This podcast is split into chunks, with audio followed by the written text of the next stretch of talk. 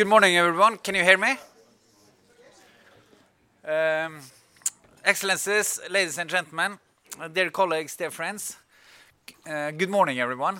It's nice to see you all here.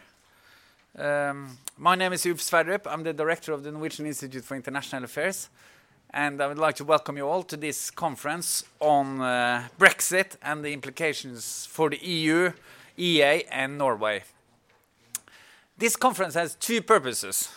The first, of course, is the uh, ambition to engage in a debate about uh, Brexit and the implications for the EU, for the EEA, and for Norway.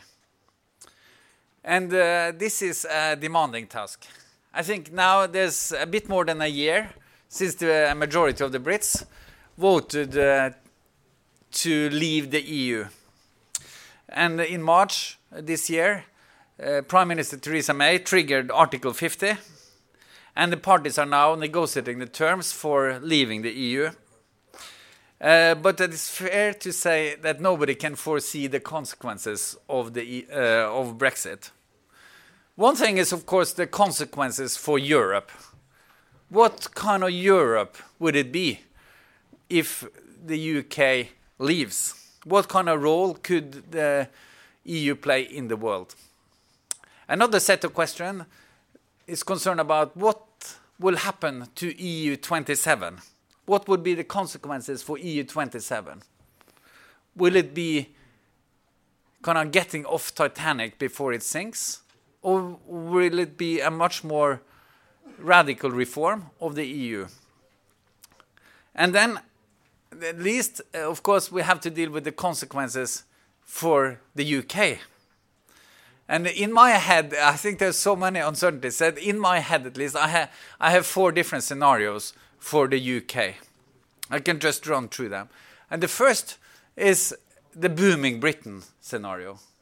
Basically, assuming that the UK will have extensive agreements with the EU, that they will develop rapidly domestic capacities to regulate, and finally, that they can rapidly enter into free trade agreements with the rest of the world that are favorable. And in this scenario, the UK will be able to attract investments and they will keep and attract talents. So this is the booming Britain, you could say the Boris booming Britain scenario. And then uh, and another scenario is uh, what we could call the disastrous decision scenario. Basically, assuming that there will be no good agreement with the EU, the UK will not be able to rapidly develop its own domestic capacities to regulate, and they will have a hard time to enter into free trade agreements, and those three free trade agreements will not be very favorable. That can trigger vicious cycles where the UK will have a hard time to attract investments and also a hard time to attract talents. A third scenario is, of course, uh, maybe that's the most likely one, what I would call terrible transition. At the end of the day, the UK will have some kind of agreements with the EU that might have similarities with Switzerland or Norway, and they will be uh, able to develop some kind of domestic capacities and some kind of free trade agreements with the rest of the world. And the UK will be able to attract investments, and it's a, after all, it's a very attractive invest, uh, uh, um, environment, and and the talents will be coming in. So the question is, how long will this transition period be, and what kind of transition cost will it be? And then, of course, uh, when I've been reflecting on this, uh, somebody has said to me, you have to consider a fourth scenario as well. So I added that as well, and that is what we could call the unbelievable U-turn. Uh, before the end, that means that the UK, when the alternative is ready, negotiations are completed, they will have to make a choice between moving in one direction or the other. And voters and politicians find that the alternative solution is less attractive than the one they have. So so these are the scenarios, at least. Maybe you can add some more. So there, uh, uh, and we can discuss the probabilities and the assumptions, etc., underlying it. But I think the main point for us today is to say that each and all of these scenarios will have major consequences also for Norway. Norway is very deeply affected by the dynamics in Europe, and we have to face many uh, new and uh, demanding uh, challenges. So, for instance, we might ask, are Nor Norway's agreements with the EU suitable and fit for the new EU 27? How, and how can we and should Norway organize its relationship to the UK in the future? And then, of course, we have some of the more tricky questions. What if the e UK somehow ends up in the EEA? How should we respond to that? Either as full members or taking parts of our institutions to regulate their future agreement. And if the UK is not ending up in the EEA, what would the UK agreement mean for the political support for the EEA at home in Norway?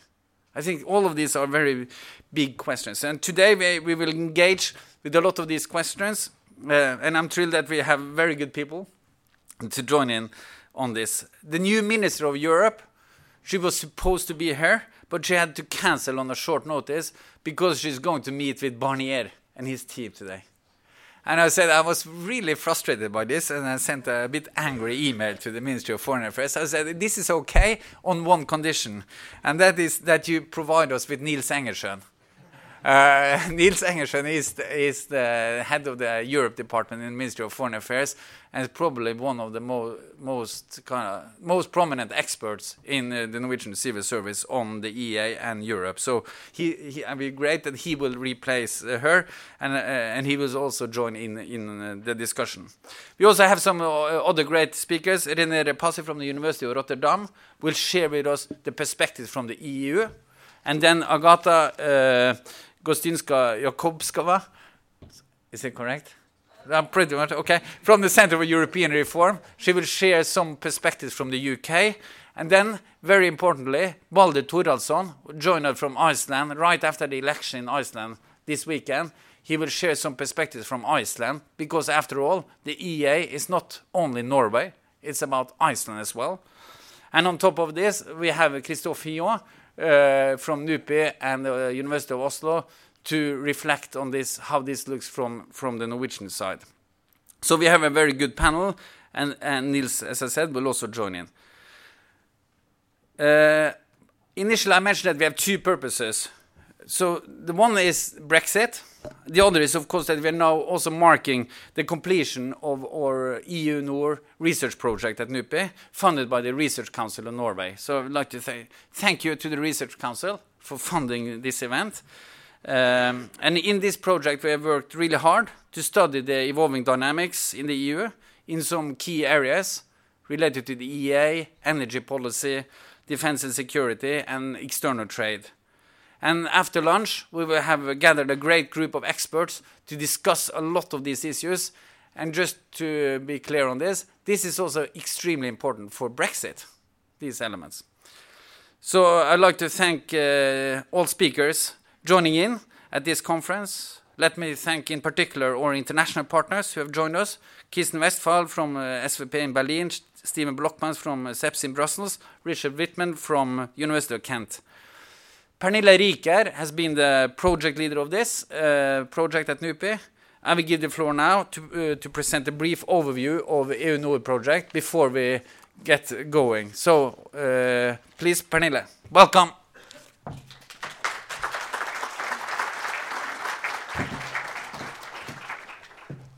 Um, so I will uh, start, before we continue the conference, I will start to say a few words about what this project has been all about. It has been a three-year project, and the full title of the project that we have called, uh, to, be, to simplify EU NOR, uh, is European Transition, Small States in the Age of Global Shifts.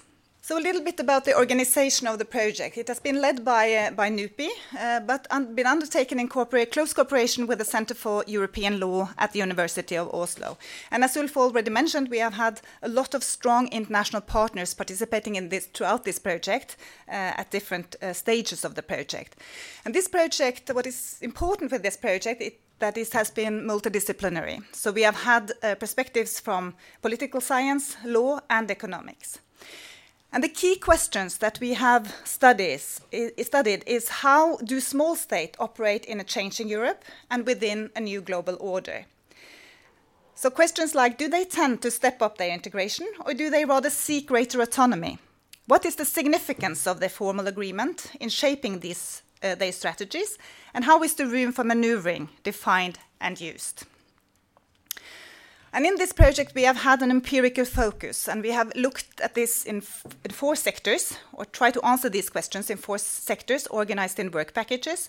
The first has been to, to look at the internal mar market affairs, and, uh, and especially the, the EEA.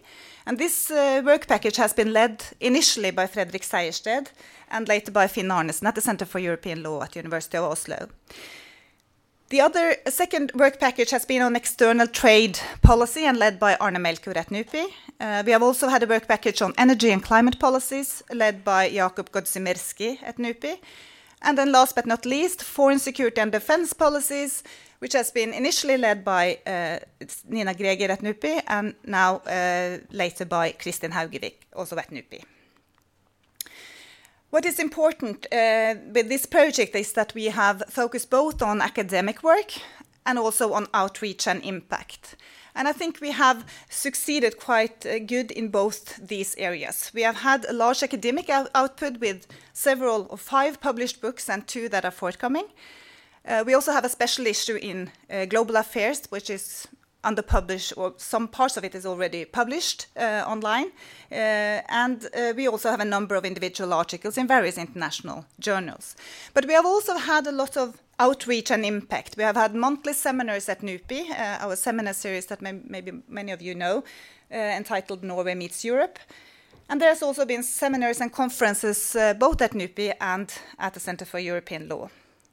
Policy brief op-eds and media and blogs are also being published, and some of them you can find uh, back uh, at the table uh, in the back of this room here today. And we have had a num number of different expert, expert, me expert meetings, both uh, here nationally and also in the UK and the EU. Uh, here nationally, it has been with the different uh, ministries and also with the trade union and the NHO, etc. So without going into all the details of what we have done in this project, and we will of course hear more about this in a little while in the different panels, I will just go through the different work package and what has been the main questions in the different in the different areas. The first work package on internal market and the EEA, we have been studying the dynamics of the EEA in a changing Europe, the room of discretion, and also the possibility of adding new elements to the EEA agreement and the prospect also of adding new countries to the EEA agreement, as, uh, as, um, as Ulf mentioned, and of course Brexit is here an important element. We have had in the work package on external trade and globalization, one of the key questions that we have uh, looked at is whether intra-European trade is enough in a globalized uh, world. Can small countries manage globalization by going alone or with the EU? And this has not only been a study about tariffs, but also standards and value chains, new regional trade agreements like TTP, um, um, or TTIP, I mean, uh, new dispute settlement mechanisms. But we have also looked into the politics of trade, how to handle domestic contestation of trade policies. When it comes to energy and climate, uh, this has also been a key issue uh, of study in this project. And our focus has been on the energy union and the implications uh, on small states. As you probably know, the energy union is about several things. It's about diversifying EU energy sources, relates to climate, strengthening market regulation, developing infrastructure and interconnections, and also uh, it's import has an important security aspect, of course, by managing the dependence on Russia. And there is also important implication for small states, and in particular Norway in this case, because of course Norway is a significant supplier and the EU is Norway's most important market. And the final work package that we have look at, looked on is on, uh, or the final topic that we have worked on is foreign security and defense policy, policy, and we have studied EU reforms and policies and how small states within and outside the EU adapt and adjust to these processes, how they handle the new challenges the many new challenges that we see, both a more assertive Russia, migration and failed states, several internal challenges in the EU, and transatlantic uncertainties. And here we see also a lot of new responses from, from in the EU. Before, the EU focused on how to best contribute to international and region, regional stability by a policy of transformation. Today, security, uh, foreign security and defense policy is much more about how to protect and defend the interests and values uh, of Europe and the EU. So this project, European Transition, the challenges for small states, there has been in the EU, we have seen a lot of dynamics in the internal market, in global trade, in energy and climate, in foreign security and defense policy. And we have seen attempts at the EU level in all these areas of formulating reform policies. But of course, any reform triggers also conflicts and the risk of disintegration, struggle to find a balance between more unity or autonomy. And for small states in general, and for Norway in particular, they are deeply affected by European developments. And small states, and also Norway, see closer cooperation with the EU in most fields. And this is demanding. It requires competence, expertise, and commitment, but also the right timing. And we believe also that our project has contribute, contributed ex uh, to exactly this through our focus on these key policy areas that are of vital importance for Norway. And we are also very pleased to learn that there, there will most likely be a new call within the European Transition Programme in the Research Council of Norway. Uh, and we, of course, hope that we will have the chance to continue to work uh, on these, uh, these issues that we have initiated through this project. So I will end here and give the floor back to Ulf, who will chair the first panel. Thank you.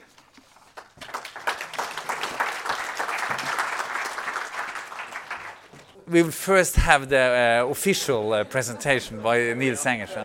First of all, my well, the sincere apologies from the minister, but I'm sure you understand that she had to. I don't know why, but she had to prioritize a visit to Brussels. Um, no, but, but she will meet, among others, she will meet Michel Barnier, and I think it's very important to do that very early in her tenure as, as minister. Uh, she will also meet him again in, uh, in connection with the EEA Council. And also, just to say this, that this shows the close relations actually we also have with the European Union in the Brexit matter. Uh, the visit of the minister is also very timely, just after the European Council. Many issues on the uh, uh, agenda of the heads of states and government not only Brexit, but we have to remember the leaders' agenda, we have to remember Turkey, we have to remember all other aspects that actually they talked about. This conference, as Pernille and, and uh, Ulf said uh, rightly, then ends the three-year research project EUNOR.